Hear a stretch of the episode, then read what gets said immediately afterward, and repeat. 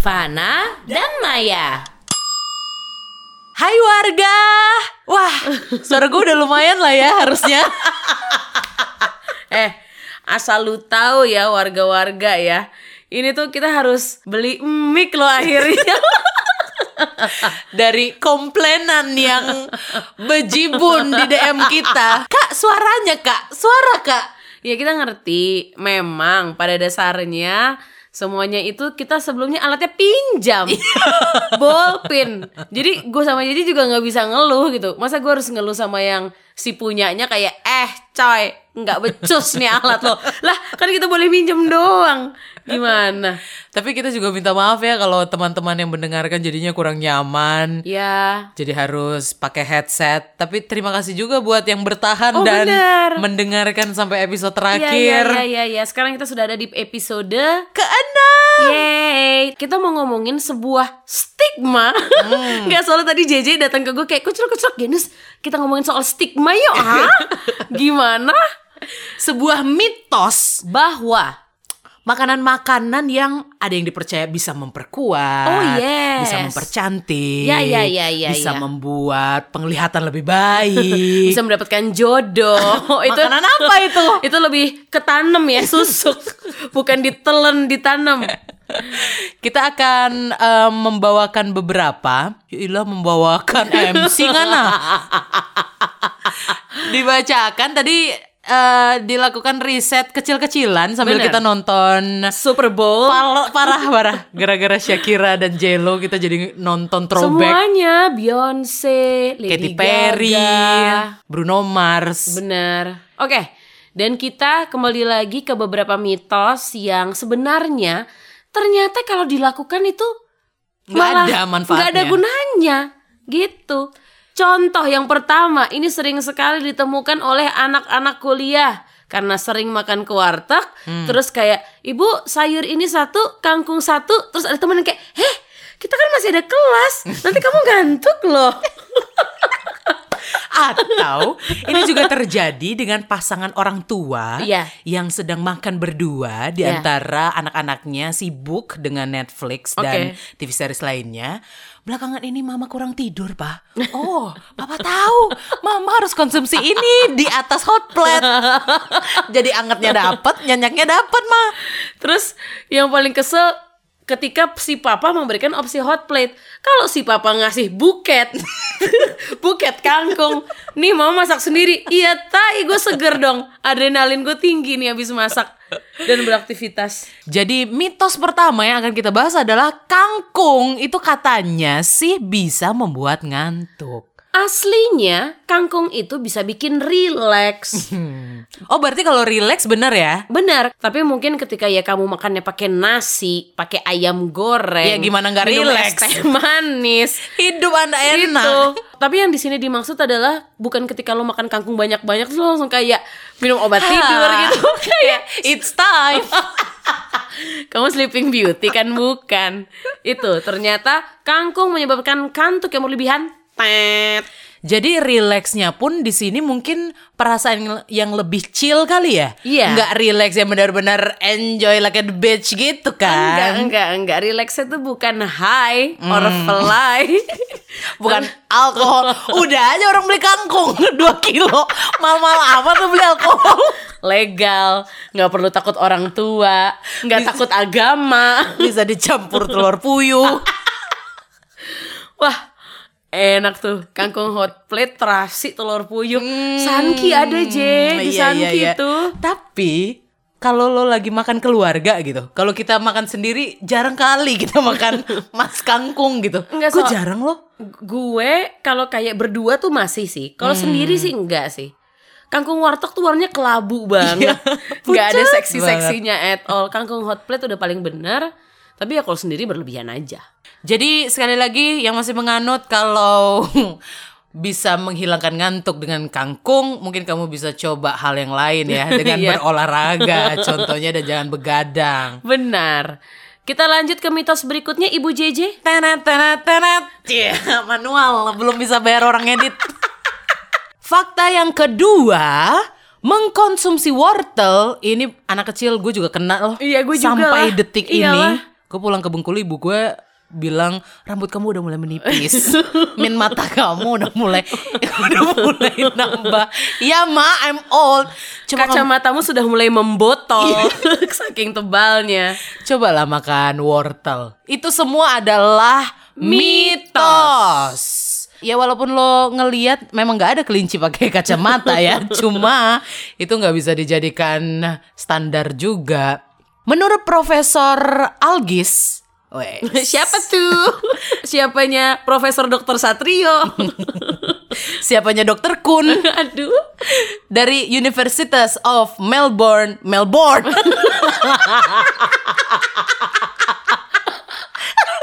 Hey, Kebanyakan kangkung nih, relax betul. hello Melbourne. Melbourne. Ya, ya, ya, itu yang aku maksud. Mengkonsumsi wortel itu tidak akan meningkatkan penglihatan jika kamu telah menerapkan diet dengan gizi seimbang. Hah? Gimana, Pak? Enggak, kalau kalau kalau yang tadi artikel saya baca ya. Ah. Intinya adalah ketika lo makan wortel banyak, Hmm. itu bisa eh, menambah kesehatan mata lo. Tetapi ketika lo sudah terlanjur minus gede, Hmm. nggak bisa diturunin pakai wortel. It's late, bitches. Where are you in my whole life kata wortel. Ah, nasi saja sudah menjadi bubur di sini ya, tidak bisa dikembalikan lagi. Eh, siapa bilang itu Gila, gue selanjutnya? dicolek, gue dicolek.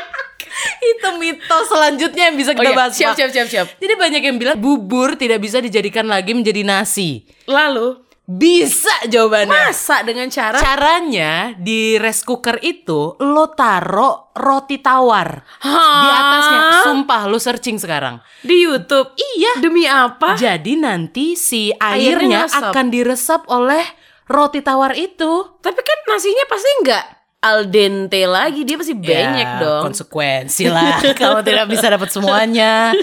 kan awalnya juga judulnya terlanjur.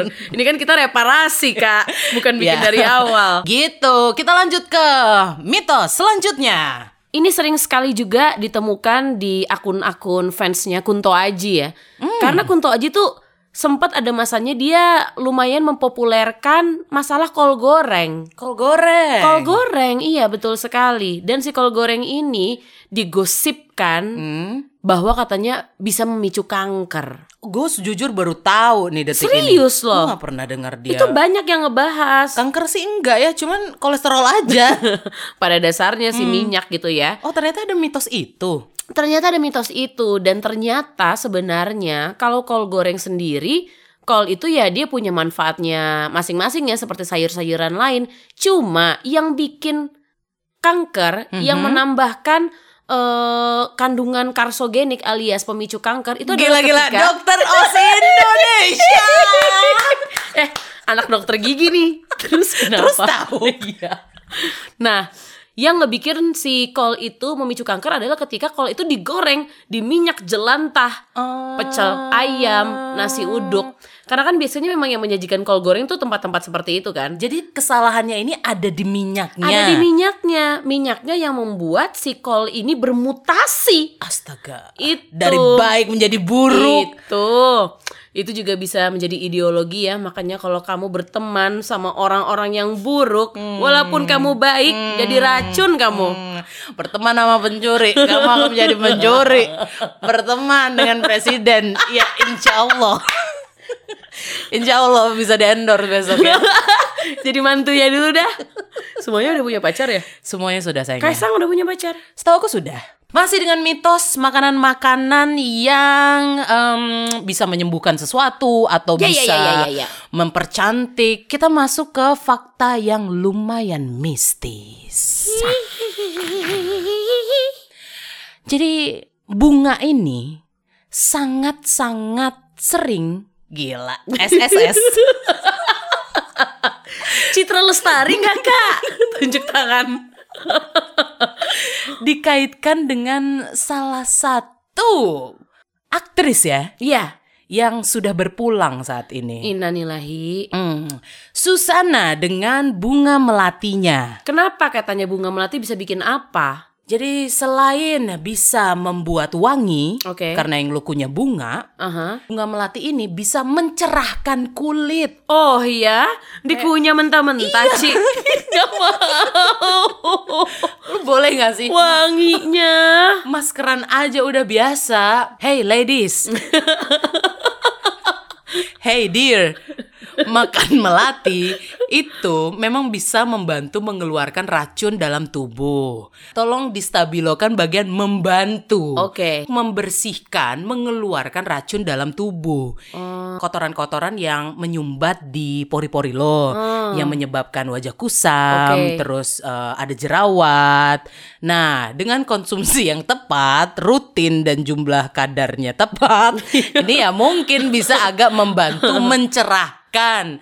Tapi juga harus diimbangi dengan gaya hidup yang sehat. Si melati ini kan maksudnya banyak ya kayak teh melati. Kita boleh nggak konsumsi itunya aja daripada langsung kunyah ya? Gue tuh khawatir banget Lumayan. kayak ada quote unquote teman gitu ya yang ngerasa kayak eh baunya sama nih kita disamperin, dirangkul, dibawa pulang nggak mau kan kamu? Saya merasa diundang di sini. Mendingan jauh lo minum teh sih. Setidaknya Iyalah. ada proses dinetralisir dulu gak sih tuh bunga? Iya di dimatengin dikit lah. Iya. Lo makan lalap aja kan juga milih-milih. Ya walaupun cuma disiram air ledeng ya. Ah. Ya cuma at least ada lah dia terbasuh sedikit. Udahlah, maksud gua itu kan mungkin mitos-mitos ya mungkin di zaman Suzana atau sebelumnya. Karena dia juga aktris eh, horor Betul, kan. betul, Soalnya betul. si Bunga Melati ini sangat sering dikaitkan dengan hal-hal alam baka Ya, ya, ya, ya. gitu. Jadi mungkin ya udah sekalian dah biar clickbait. Biar clickbait. It's 2020 guys. Banyak sekali masker-masker, banyak sekali salon dan spa yang menawarkan perawatan yang sudah terjamin gitu. Jadi kalau yang ini ya kita tangguhkan sedikit ya. kita Mendingan- kesampingkan. Kamu kalau mau buat teh tadi seperti yang kita Ya, betul, bilang betul. atau ya biarkanlah dia tumbuh dengan normal menghias halamanmu. Ih gak mau juga gue nanam melati serem gila loh. Nah, berikutnya ini adalah mitos seputar vitamin C. Untuk teman-temanku yang juga bindeng seperti aku. Dirimu terutama. Iya, ini tuh gue nggak lagi ngejepit hidung pakai jepitan jemuran kayak prank-prank di TV gitu ya. Ini gue pure emang flu dan katanya kalau kan ada mitos jika kamu mengkonsumsi vitamin C, flu kamu akan cepat mereda, cepat sembuh. Itu salah. Oh iya ya. Ya, karena vitamin C itu harusnya dikonsumsi untuk mencegah kamu flu. Jadi kalau dikonsumsi di saat lu udah kena, Ya, fungsinya 11-12 dah. jadi sama aja kayak lo baru pakai kondom waktu lu udah hamil. Astagfirullahaladzim Gue sama sekali nggak ada bayangan kalau lo akan ke arah sana. Tapi bener Kita kan harus tulis. analogi gue. Kita harus ditulis di bio kita ini R-rated loh, nggak boleh dengerin anak kecil. Tapi benar, intinya jangan minum vitamin C pas lo udah sakit itu kagak ada gunanya. Minumlah sebelum sehingga bisa mencegah. Hmm, Itu dah. Mencegah lebih baik daripada mengobati. Jadi yang sekarang udah terkena pilek, gimana nih jalan keluarnya?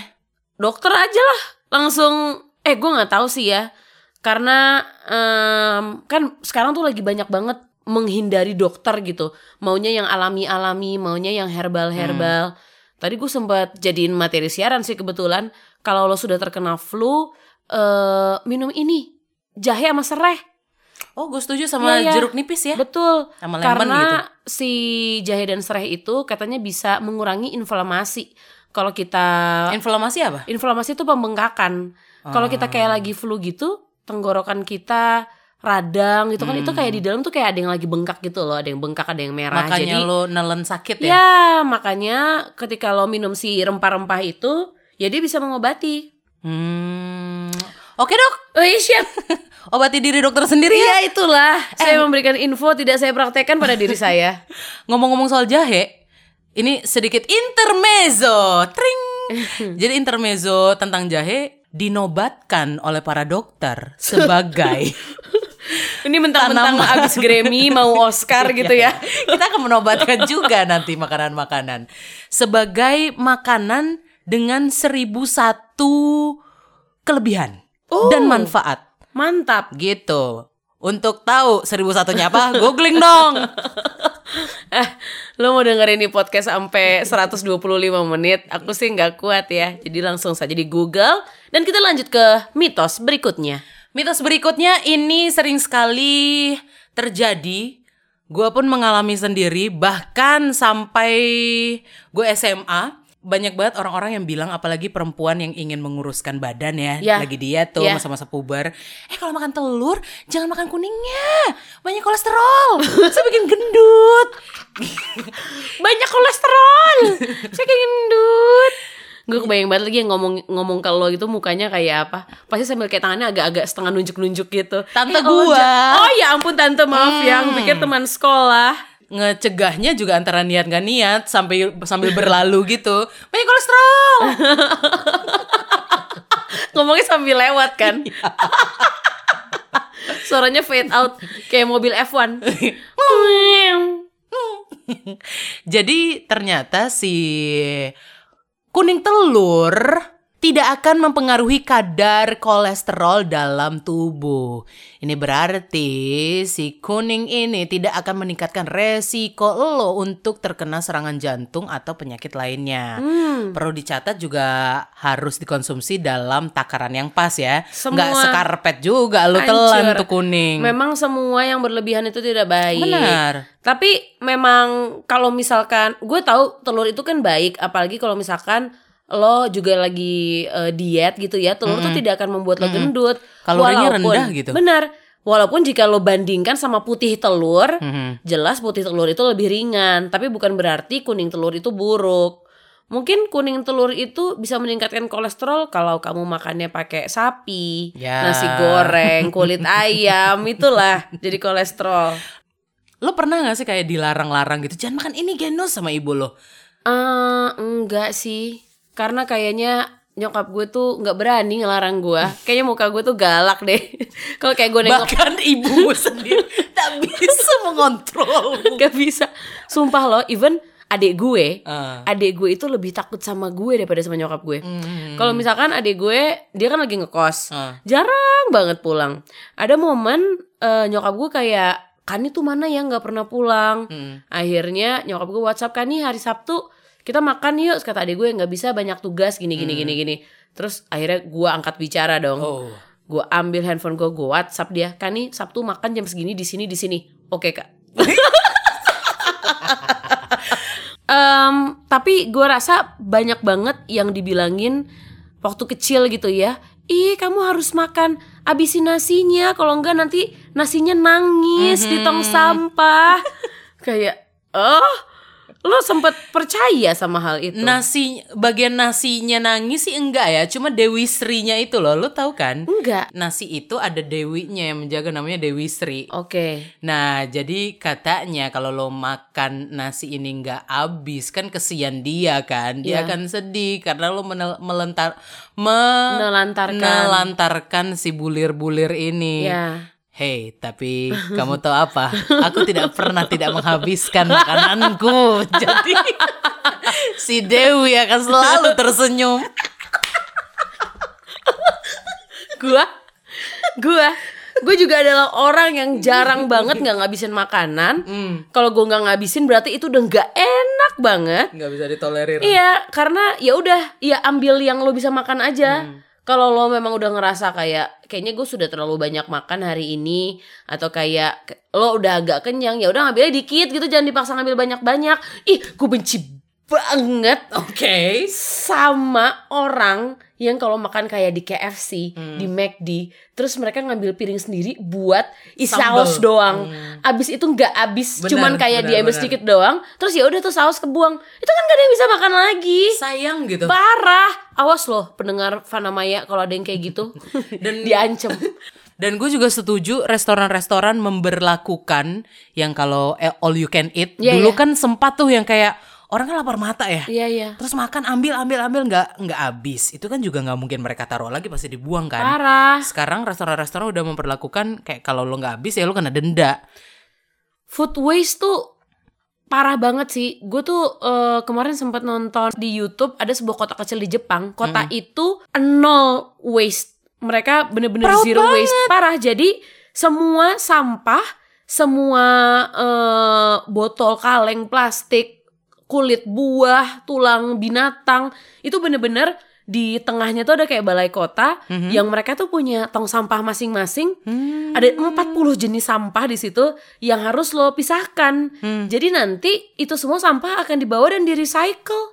Cool. Keren banget kan? Jadi bener-bener banget. Jadi bener-bener gak ada yang kebuang Begeletakan di jalan itu gak ada Keren abis parah Sama untuk teman-teman yang sekarang lagi mendengarkan Fana dan Maya lagi di mobil ya. Awas lo buang sampah ya. Gue benci banget sama orang yang buka kaca terus ngelempar aja gitu ke belakang kayak lo kan di mobil ya. Ya kan lo bisa taruh dulu. dulu gitu tuh sampah. Atau dia mau membuang mulut mannya. Iya kan mulut mannya sampah.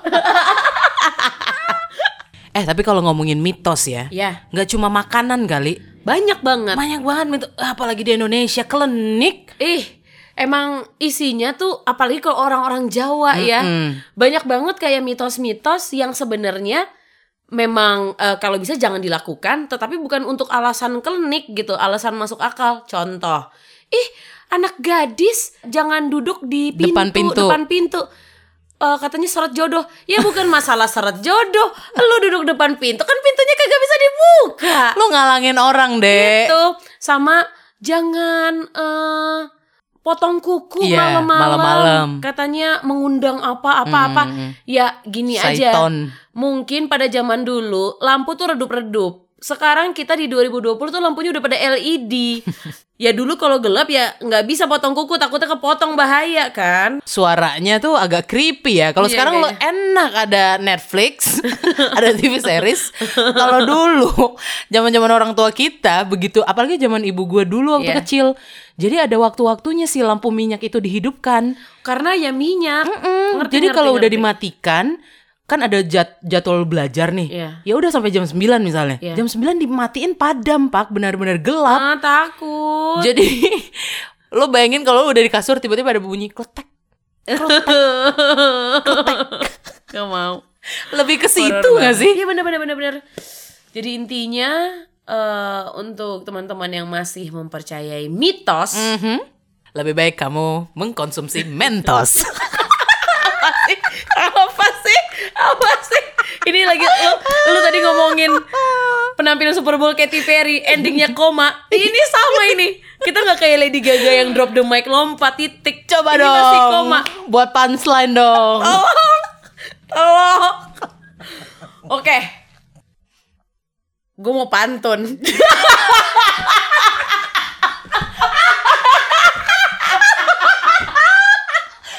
Gak expect. Gue Mak, makasih banyak ya effort lo. Lo dari tadi tuh diam, lo mikir, lo nyusun kata kepala lo. Udah ya, nontonnya gak usah ya.